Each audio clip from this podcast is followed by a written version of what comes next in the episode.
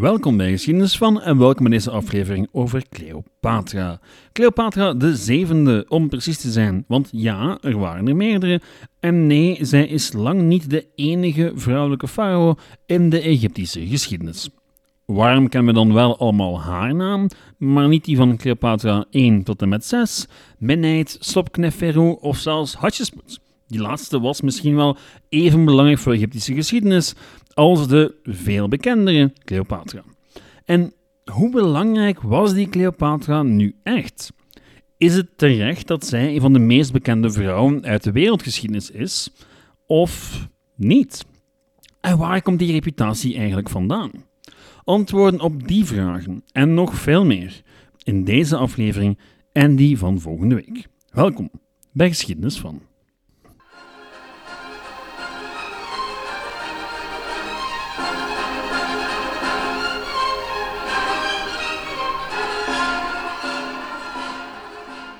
Cleopatra is een bijna mythische figuur waar de meeste mensen strikt genomen zeer weinig van afweten. Vraag iemand om een vrouwelijke koningin of heerseres te noemen en je zal al vlug bij Cleopatra uitkomen. Vraag ze vervolgens wat ze weten over het leven van Cleopatra, dan zal je waarschijnlijk weinig verder komen dan keizer, Marcus Antonius en zelfmoord.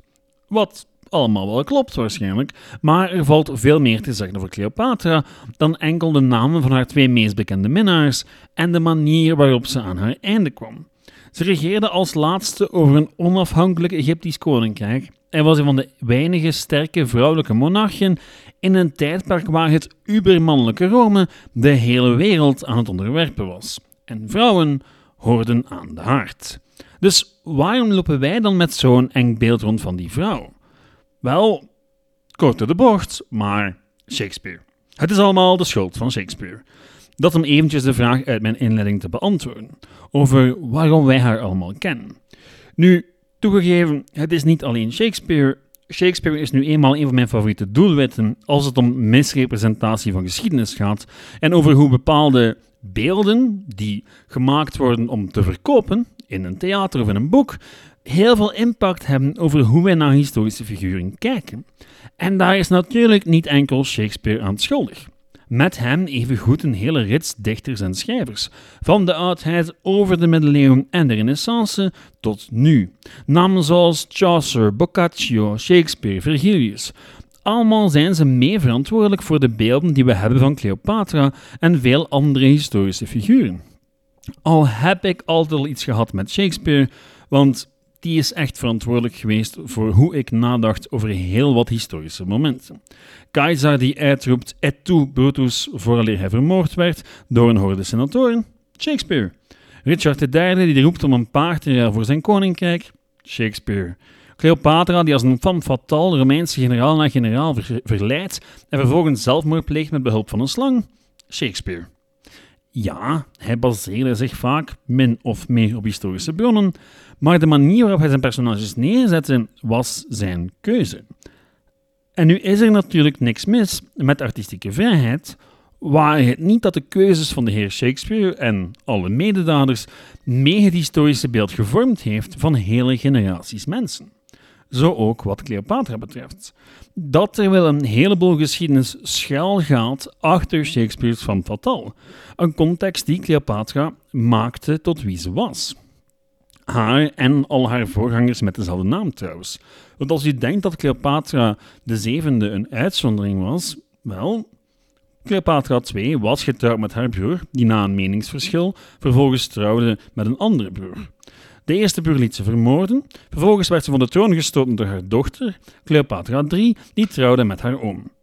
Die oom vermoordde vervolgens de zoon van Cleopatra II en stuurde haar de lichaamsdelen op. Klinkt verwarrend, was het ook, en dramatisch. Om maar even een beeld te geven van de hoeveelheid drama er wel normaal was in de Ptolemaïsche familie. Nu goed, de achtergrond voor al dat drama is een gezonde portie geschiedenis, dus laat ons nu overgaan naar de droge feiten. En laat mij beginnen met een simpel statement. Het Egypte van Cleopatra was niet dat van Cheops of Ramses II. Er zit een paar duizend jaar tussen, om te beginnen, maar Het Egypte van Cleopatra was ook fundamenteel anders, want het was een Grieks Egypte. Een Egypte dat naast haar eigen millennia oude tradities er ook die van Griekenland had bijgenomen. Waarom? Wel, kort samengevat, Alexander de Grote. Tegen de tijd dat die koning van Macedonië wordt, is het van het grote oude Egypte niet zoveel meer over. Wel, dat klopt niet volledig. Er is nog van alles over: piramides, tempels, religie, begrafenisrituelen, de taal enzovoort. Maar Egypte is geen sterke, onafhankelijke staat meer. Al een tijdje niet meer eigenlijk. Toen Alexander binnenviel in 332 voor Christus, was Egypte weinig meer dan een Perzische provincie. Een uitzonderlijk rijke provincie, jawel, maar zeker geen onafhankelijke mogendheid. De Perzische koning was evengoed farao en was pragmatisch genoeg om de boel de boel te laten. De Egyptenaren mochten hun religie en cultuur houden, zolang zij hem maar belasting betaalden en vereerden als een godkoning. Geen probleem voor de Egyptenaren, want dat was nu eenmaal een integraal onderdeel van een maatschappelijk model. Toen Alexander arriveerde, verklaarde het orakel van Siwa dat Alexander de zoon van Amon was, en dus met recht en reden de nieuwe godkoning van Egypte. Makkelijk zat. Vervolgens stichtte hij een nieuwe hoofdstad, Alexandrië, en verving hij zowat de hele administratie met Macedoniërs en trok hij verder richting Perzië op zoek naar die Dakselse koning Xerxes. Zoals jullie weten, Alexander vond Xerxes, veroverde heel Perzië, ging door tot aan de oever van de Ganges, kreeg ruzie met zijn eigen soldaten, dronk te veel wijn en overleed al in 323 voor Christus. In de chaos die volgde, wist een zekere Ptolemaios beslag te leggen op Egypte. En ja, dit is dezelfde Ptolemaios die uiteindelijk met Alexanders lichaam aan de haal ging, het stal, letterlijk, en het in Alexandrië te rusten legde. Officieel bleef Ptolemaios nog een tijdje onder het gezag van anderen, maar tegen 305 was het gedaan met de fictie. Hij verklaarde zichzelf tot farao en begon daarmee een dynastie die het bijna 300 jaar zou volhouden. En eindigde met onze Cleopatra, de zevende. Nu zou je kunnen denken dat het Egypte van Ptolemaios en zijn nazaten in de eerste plaats in Grieks gegeven was. Maar dat klopt eigenlijk ook niet. Helemaal aan het topje van de sociale piramide stonden dan wel wat Grieken, slash Macedoniërs, maar de samenleving was nog heel erg Egyptisch.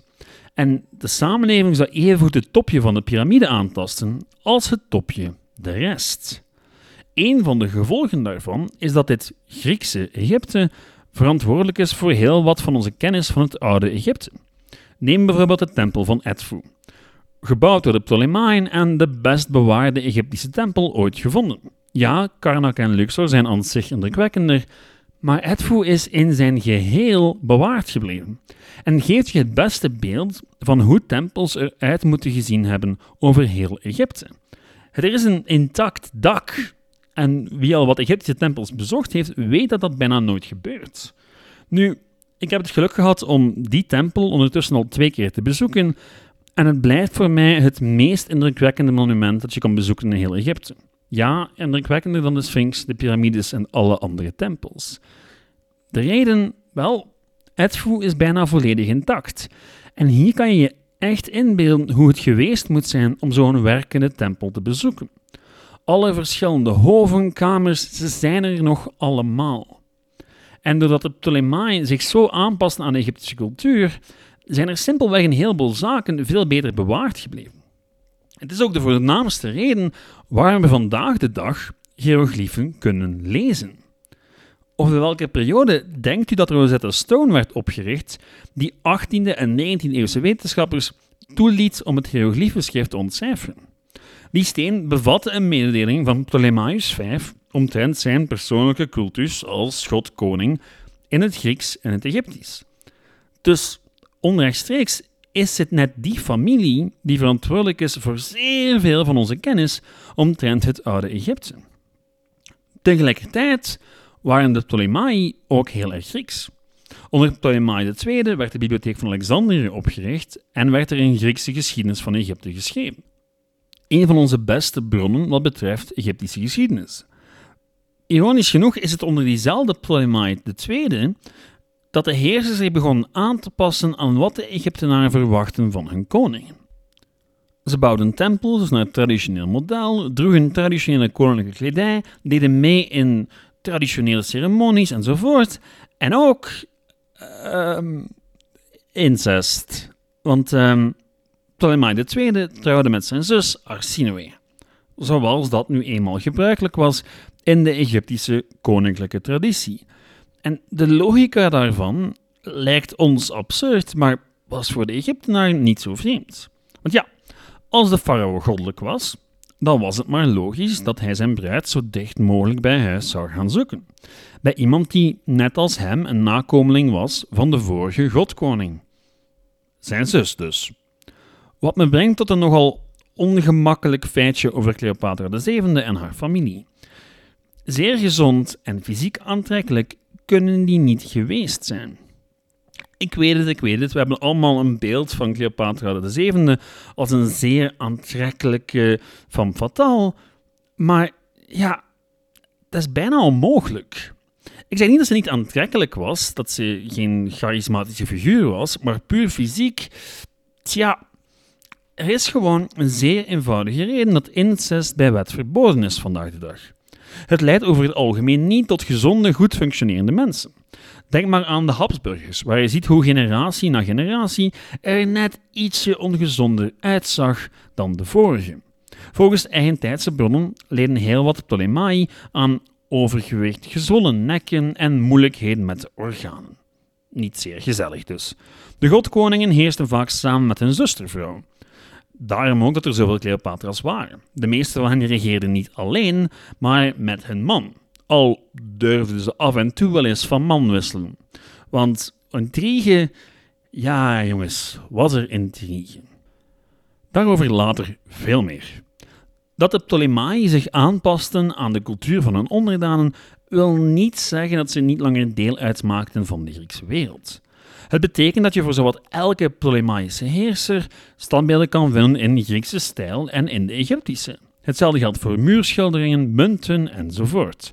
Daarbovenop mengden ze zich in de vele oorlogen in de Griekse wereld tussen alle opvolgerstraatjes van Alexanders Rijk. Nu, vanaf Ptolemaios IV ging het wat minder met Egypte. Er braken steeds meer opstanden uit, het rommelde in de koninklijke familie en langzaam maar zeker gingen alle buitenlandse bezittingen verloren. Bij gevolg was Ptolemaisch Egypte tegen de eerste eeuw voor Christus nog maar een schim van zichzelf. Wie had er dan wel voor het zeggen? Wel, um, Rome, grotendeels. Net zoals overal elders in het Middellandse zeegebied was Rome zich vanaf een bepaald moment beginnen moeien in de Egyptische politiek. De Ptolemaïsche dynastie regeerde nog wel, maar wie precies en hoe, dat werd bepaald door de Romeinen. Toen Ptolemaios IX stierf in 81 voor Christus bijvoorbeeld, werd hij opgevolgd door zijn dochter Berenice III. Die kreeg het al snel moeilijk om de boel in de handen te houden en ging dus in op het voorstel van de Romeinse dictator Sulla om te trouwen met haar neef slash stiefzoon Ptolemaios XI. Ptolemaios X was degene die probeerde om Berenice III van de troon te stoten. Ik weet het, het is verwarrend en ik kan het zelf amper bijhouden. Nu, toen die Ptolemaios XI later werd gelyncht, was het Rome dat bepaalde wie op de Egyptische troon kwam te zitten, namelijk Ptolemaios XII, de vader van, jawel, Cleopatra VII, de vrouw waar deze aflevering eigenlijk om draait. Zij werd geboren in 69 voor Christus, op het moment dat er al veel van weg had dat een onafhankelijk Egypte snel tot het verleden zou behoren. In 65 voor Christus stelde Marcus Licinius Crassus, u weet wel, van het eerste triumviraat, de annexatie van Egypte voor in de Romeinse Senaat. De reactie van de farao? Omkoping. Al hadden de senatoren zelf het waarschijnlijk liever over geschenken. Nu, met al die geschenken dreef hij zijn koninkrijk het bankroet in. In die mate zelfs dat hij leningen moest aangaan bij Romeinse bankiers. Toen de Romeinen ook nog eens Cyprus annexeerden, van oudsher Egyptisch territorium, was voor veel Egyptenaren de maat vol en ze kwamen in opstand. Er werd nog ergens een Ptolemaios opgescharreld en bijgevolg moest Ptolemaios XII de benen nemen richting Rome en hij sleurde zijn elfjarige dochter Cleopatra met zich mee. Ondertussen had een van zijn andere dochters zich op de troon genesteld en waren Romeinse bankiers druk bezig met te bedenken hoe ze hun geld terug zouden krijgen. Er kwam dus zeer veel druk vanuit het Romeinse financiële establishment en uiteindelijk stuurde Pompeius, nog een lid van dat eerste triumviraat, een leger richting Egypte met de opdracht om Ptolemaios XII terug op de troon te zetten. Want die bankiers die moesten hun geld hebben. Zo gezegd, zo gebeurd. Want dit is al de periode waarin er binnen het Middellandse zeegebied niemand Rome eigenlijk een strobreed in de weg kan leggen. Een jonge cavalerieofficier in dat leger, Marcus Antonius, ontmoette toen al de latere Cleopatra VII. Ze was toen 14 jaar en blijkbaar zat er toen al iets in de lucht. Nu, de invasie slaagde en Berenice, die dochter van daarjuist, en haar volgelingen werden geëxecuteerd door Ptolemaios XII. Haar vader dus. Opnieuw zeer gezellige jongens, die Egyptenaren. Ptolemaios stelde vervolgens zijn belangrijkste Romeinse financier aan als hoofdfinanciën van zijn koninkrijk. Die werd al na een jaar terug op de boot richting Rome gezet, omdat, wel, te veel mensen hem worden vermoorden. Er bleef dus nog een pakje over van de schuld van Ptolemaios aan zijn bankiers. Een schuld die overging op zijn opvolgers.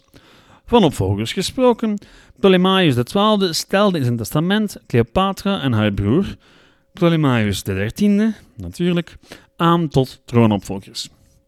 Zij zouden trouwen en samen regeren over Egypte. Wel, dat was de bedoeling. Alleen ging dat natuurlijk niet van een leien dakje. Ergens in 51 voor Christus kwam Cleopatra aan de macht en al snel stapelden de moeilijkheden zich op. Om te beginnen overstroomde de Nijl niet zoals gepland. Wat zorgde voor minder graan, wat zorgde voor minder brood en bijgevolg resulteerde in hongersnood. Daarboven was de Romeinse Republiek, dankzij vaderlief, zo'n 17,5 miljoen drachmen schuldig, wat veel geld is, en was het Romeinse garnizoen, dat in de tijd was achtergelaten na de herovering, aan het plunderen geslaan. Oh, en er was in Rome ook nog eens een burgeroorlog uitgebroken tussen Caesar en Pompeius. Pompeius, die trouwens altijd al dikke vriendjes was geweest met Cleopatra's vader. En die vluchtte dus na een militaire nederlaag naar de kinderen van zijn oude vriend in Egypte. Nu, vooraleer hij daar aankwam, kreeg Cleopatra het aan de stok met haar echtgenoot slash broer. Ze zette hem aan de kant om alleen te heersen, maar ja, dat was toch een probleem. Cleopatra nam dan maar de benen richting Syrië met haar zus Arsinoe, om net als haar vader voor haar steun te verzamelen voor een invasie van haar eigen koninkrijk. Die invasie liep vast en net op dat moment arriveerde Pompeius in Egypte. Nu, Ptolemaios XIII was doodsbang dat Egypte mee zou getrokken worden in de Romeinse burgeroorlog en maakte een nogal onverwachte keuze. Hij liet Pompeius ombrengen en diens hoofd, gebalsemd en al, afleveren aan Caesar als een teken van zijn vriendschap. En Caesar kon er niet mee lachen. Het getuigt van een gebrek van kennis van de Romeinse cultuur dat Ptolemaios en de zijnen de moord op Pompeius überhaupt een goed idee vonden. Rome was nooit opgezet met externe inmenging in een politieke huishouden. De enige die zich mocht moeien met al de rest was Rome, niet de rest. Bij aankomst in Alexandrië berispte hij Ptolemaios en liet hij weten dat broer en zus hun legers moesten ontbinden en samen regeren. De broer en zus in kwestie reageerden op een heel andere manier. Ptolemaios trok met zijn leger op richting Alexandrië en Cleopatra liet zich het paleis insmokkelen om keizer te verleiden. Wel, over dat laatste weten we niet zeer veel. Volgens de ene Romeinse historicus liep ze gewoon het paleis binnen en versierde ze keizer met haar sprankelende persoonlijkheid. Volgens een andere liet ze zich in een soort van matras het paleis insmokkelen. Latere versies hebben daar vaak een tapijt van gemaakt, maar oké, de waarheid zullen we nooit weten. Wat volgde was pure chaos. Keizer probeerde een deal te onderhandelen tussen broer en zus, de volgers van Ptolemaios zagen dat niet zitten en besloten dan maar hun militaire overwicht in te zetten. 20.000 Egyptische troepen tegen 4.000 Romeinse. Zou moeten lukken, niet? Bovendien hadden ze de steun gekregen van Arsinoe IV, nog een zus, die van daarjuist trouwens, die ook koninklijke ambities had. Want wie niet in die familie? De Romeinen trokken zich terug in het koninklijke paleis met een waarschijnlijk al zwangere Cleopatra. Zwanger van keizer.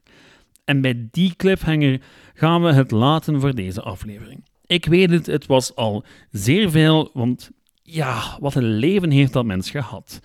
Het ene volgt zich op en ik zou de rest van het verhaal zeer snel kunnen aframmelen, maar dat gaan we nu eens niet doen.